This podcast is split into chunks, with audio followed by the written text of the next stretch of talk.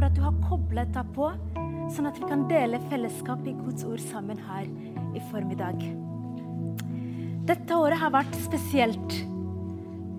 Vi har hørt om kriser, om vanskeligheter som vi har gått gjennom dette året. Men like mye, søndag etter søndag, så har vi fått oppmuntringer fra forkynnelse og fellesskap som vi har delt sammen her i Pinsekirken. Og jeg håper at det ordet som vi skal dele sammen her i formiddag, skal være til like mye oppmuntringer som det vi har hørt gjennom hele høsten. Kjære Jesus, vi takker deg for at du er her. Vi takker deg for din storfasthet, Jesus. Vi takker deg for at du er det samme uansett hva vi går gjennom. Vi ber Jesus om at du skal velsigne ditt ord her i formiddag, om at det skal bringe håp og frelse til oss sammen. I Jesu navn. Amen. Jeg har lurt på hva jeg skulle dele med dere her i formiddag. Og som jeg sa innledningsvis, vi har hørt om kriser etter krise dette året. Og så spør vi oss tar det slutt noen gang. Dette året har vært spesielt, for vi har hørt veldig mye om pandemier. Men kanskje der du sitter hjemme, så sier du min krise egentlig begynte lenge før koronapandemi. Jeg har vært i noen vanskeligheter. Jeg har bedt. Jeg har fastet. Jeg har gjort alt jeg kan. Men fremdeles så har jeg ikke sett det resultatet som jeg har ønsket. Jeg har lurt mange ganger. Hvor er Gud? Selv når jeg har gjort alt riktig, hvorfor har du ikke svart meg, Jesus? Tittelen for talen min i dag er at Gud er suveren uansett omstendigheter. Det spiller ingen rolle hva du og jeg går gjennom. Bare det å vite at Gud er sammen med oss, uansett hvilken situasjon vi befinner oss i, er en så stor trøst for oss som tror på ham. Hvis vi kan begynne med bibelverset fra Salmene 103, vers 19. Da står det at Herren har reist sin trone i himmelen. Han rår som konge overalt. Hva betyr det egentlig at Gud er suveren? Jo, det betyr jo at Gud har absolutt kontroll over hele sitt skaperverk. Gud er allvitende. Han kjenner med andre ord din og min fortid, nåtid og fremtid. Han bare hele evigheten i hans hånd. Og så sier du ja, men hvorfor svarer Gud ikke meg når jeg stiller spørsmål? Har ikke Gud gitt dette her hvis han har løftet, hvis han har gitt et løfte til meg i sitt ord? Hvorfor har jeg ikke sett svar av det han har sagt til meg? Nå er det slik at Gud er suveren, og det betyr at han er allvitende. Og det er ikke alltid vi stiller Gud spørsmål at han svarer til oss. Noen ganger så tenker Gud sånn som jeg tenker. At han tenker at Nei, dessverre er du ikke tjent med nå. Men noen ganger så sier Gud også kanskje. Jeg tror ikke du vil ha noe godt av å vite dessverre noen gang. Og det kan være noen ganger vanskelig for oss å virkelig forstå det. Det som er helt sikker, det er at uansett hva du og jeg går gjennom, det kommer aldri som en overraskelse for Gud. Ingenting er tilfeldig for Gud. Livet er jo full av overraskelse for oss, men som jeg sa, ikke for Gud. Og vi møter vanskeligheter i livet. Bibelen har jo advart oss om det. Det står i Bibelen at vrede i, verden har vi trengsel. Det er en del av livet, det å møte vanskeligheter. Men like mye så får vi oppmuntringer. Fra Romene 8, vers 28. Hvis vi leser sammen, så står det at vi vet at alle ting tjener til gode for dem som elsker Gud. Dem han har kalt etter sin vilje. Bibelen er jo full av eksempler på folk som gikk gjennom vanskeligheter. Vanskeligheter hvis de hadde fått noe velge det som det skulle ha vært forut. Og på samme måte så går vi også gjennom vanskeligheter som vi skulle ha vært forut. Historien om Josef kjenner vi alle sammen. Josef hadde mange brødre. Men han var sin fars favorittsønn. Og brødrene sine var sur på han. De var misunnelige på ham. Men Josef var Josef. Han fortalte hva han trodde Gud hadde sagt til ham. Og det gjorde brødrene sine mer sint.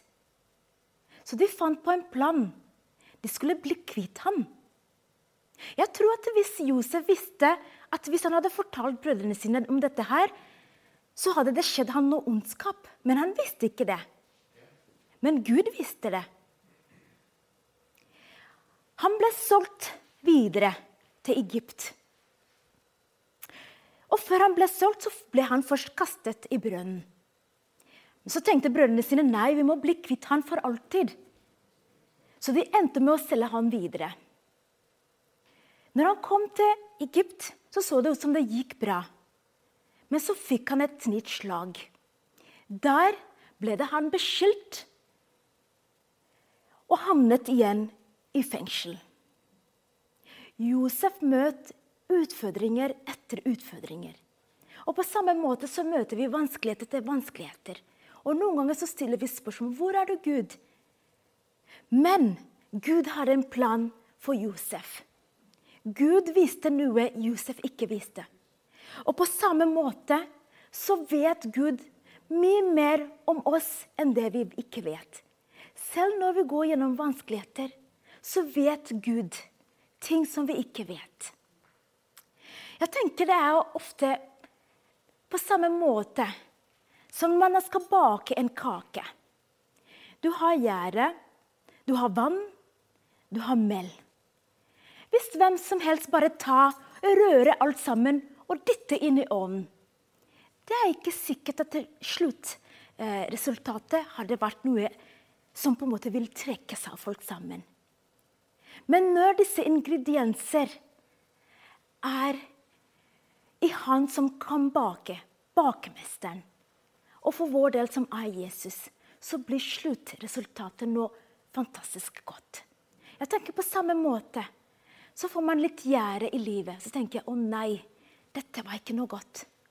Så får du mel i tillegg. Nei, dette blir for klissete. Dette er ubehagelig. Så kommer vann. Og av og til litt salt også. Og til slutt så blir vi dyttet i ovnen og skrudd på ovnen 200 grader. Og det er ikke alltid vi klarer å se hva er det som egentlig kan bli godt som kommer ut av dette her. Men Gud har en plan. Sluttresultatet er en deilig duft som tiltrekker folk. Og på samme måte så kan det hende at vi går gjennom vanskeligheter. Og så vet vi ikke egentlig hva er det Gud prøver å gjøre med oss. Men sluttresultatet vil overraske oss hvis vi kan bare stole på at Gud vet hva han driver med. Han er suveren selv når vi har det som vanskeligst. Det er ofte at når vi har brukt opp alle alternativer og ikke ser noe seier eller det resultatet som vi ønsket, det er da fristelse er størst for å finne en løsning. Men vi må alltid minne oss selv og erkjenne at Gud er Gud i våre nedturer, i våre kriser, like mye som han er Gud når han velsigner oss. Han forandrer aldri. Han er alltid Gud, og han er allvitende. Gud er i kontroll selv når vi ikke ser det. Bibelen sier at min hjelp kommer fra Herre. Himmelen og jorden skaper. Vi må bekjenne det som står i Salmene 139, vers 5-6. Vi må proklamere det. At bakfra og forfra omgir du meg. Du har lagt din hånd på meg. Det er underfullt til å skjønne. Det er så høyt at jeg ikke kan fatte det. Og det er ikke sikkert at det er så lett når man har det tungt. Men det er det vi er kalt til. Å stole på at Gud vet hva han gjør. Han er suveren. Han er allvitende.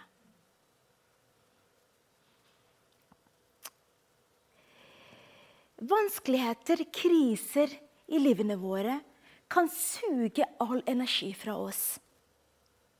Vi prøver å finne løsninger, men vi kommer ikke til enden av tunnelen.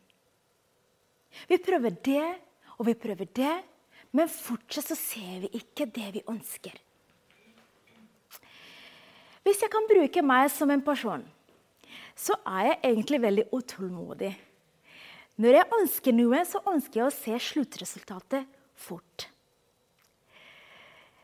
Og én ting som jeg har lært gjennom livet, det er jo at det lønner seg å vente på Gud. Mannen min er rakk motsatt av meg. Han er rolig. Han klarer å vente.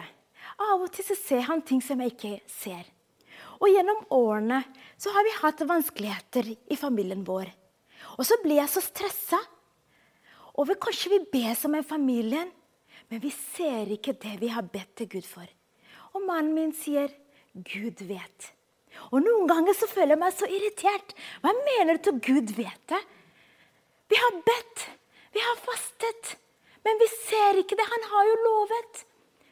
Og gang på gang er svaret hans Gud vet.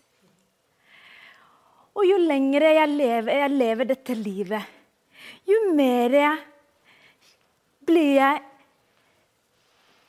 jo mer ser jeg at virkelig Gud vet hva han gjør. Det er ikke lenge siden jeg hadde en avtale med noen.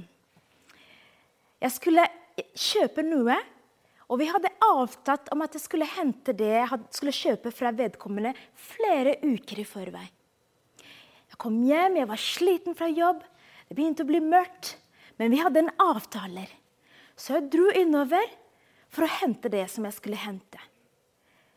Men jeg, når jeg kom dit, så var vedkommende ikke til å finne. Jeg prøvde å ringe. Han tok aldri den telefonen. Første tanken min var å ringe til mannen min og begynne å klage. Hvorfor har dette skjedd? Men jeg gjorde ikke det, for jeg viste hva han skulle si. Gud vet. Til slutt jeg ringte jo, men jeg brukte noen minutter til å fundere på hvis Gud lot meg komme hele veien dit Denne personen visste vi hadde en avtale. Han har ikke gitt meg beskjed om at jeg ikke skulle komme. Og så kom jeg hit, og så var det forgjeves. Da velger jeg til å stole på at du vet hvorfor det ikke ble som jeg hadde planlagt. Og på samme måte så skjer det det i livet. At vi venter og venter og håper at Gud skal komme. Vi opplever kriser på forskjellige måter. For noen så kan det være å miste jobb, som mange har gjort dette året. For noen andre så kan det være vanskeligheter med relasjoner i familien. For andre så kan det være alvorlig sykdom. Og vi ber og håper om at Gud skal åpenbare seg. Vi håper at Gud skal komme raskt og hjelpe oss. Men så ser vi ikke det. Eller vi tror at Gud ikke jobber for oss. Vi tror at kanskje Gud har glemt oss. Men det har han ikke gjort. Jesaja 40, vers 31. Den sier at de som venter på Herren, de får en ny kraft. De løfter vingene som ørnen. De løper og blir ikke utmattet. De går og blir ikke trette. Det som jeg syns er interessant med disse versene her, det står at vi får en ny kraft. Og da kan vi fly høyt opp. Men selv når vi ikke klarer å fly, fly høyt opp, så kan vi løpe. Men når vi ikke lenger klarer å løpe, så kan vi gå. Og det slår meg at det å vente på Herre er en aktiv handling. Det er å stole på at Gud vet hva han gjør, selv når vi ikke ser det vi håper på. Gjennom dette året så er det en sang som har velsignet meg veldig. 'Promises' fra Maverick City. Hvis jeg kan få lov til å dele med dere noen ord fra den sangen. Though the storms may come and the wind may blow, I will remain steadfast. And let my heart learn when you speak a word, it will come to pass. In every season, great is your faithfulness. In the middle of the storm, in the middle of my trials, I will still bless you. In the middle of the road, when I don't know where to go, I will still bless you. Jeg tror det er det Bibelen har kalt oss til. At selv når vi ikke ser, selv når vi føler at Gud ikke er der for oss, at vi skal velge å tro at han er suveren. At han har alt under sin kontroll. Når vi ikke får svar på det vi ber om, det er kanskje fordi Gud vil at vi skal vente. Eller kanskje han vet noe som vi ikke vet. Han har større plan for ditt og mitt liv. Det er ikke alltid lett. Men Gud er trofast. Uansett omstendigheter. Han er suveren. Velg å slippe kontroll. Ja, vi skal planlegge. Ja, vi skal be. Ja, vi kan bli lagt hånd på. Vi kan be venner og familier å be for oss når vi er i kriser. Men like viktig la oss gi rom for at Gud kan være Gud i livene våre. La oss gi rom for at Gud kan få lov til å være suveren i livene våre. Det er ikke alltid lett, men Gud har lovt å være der for oss.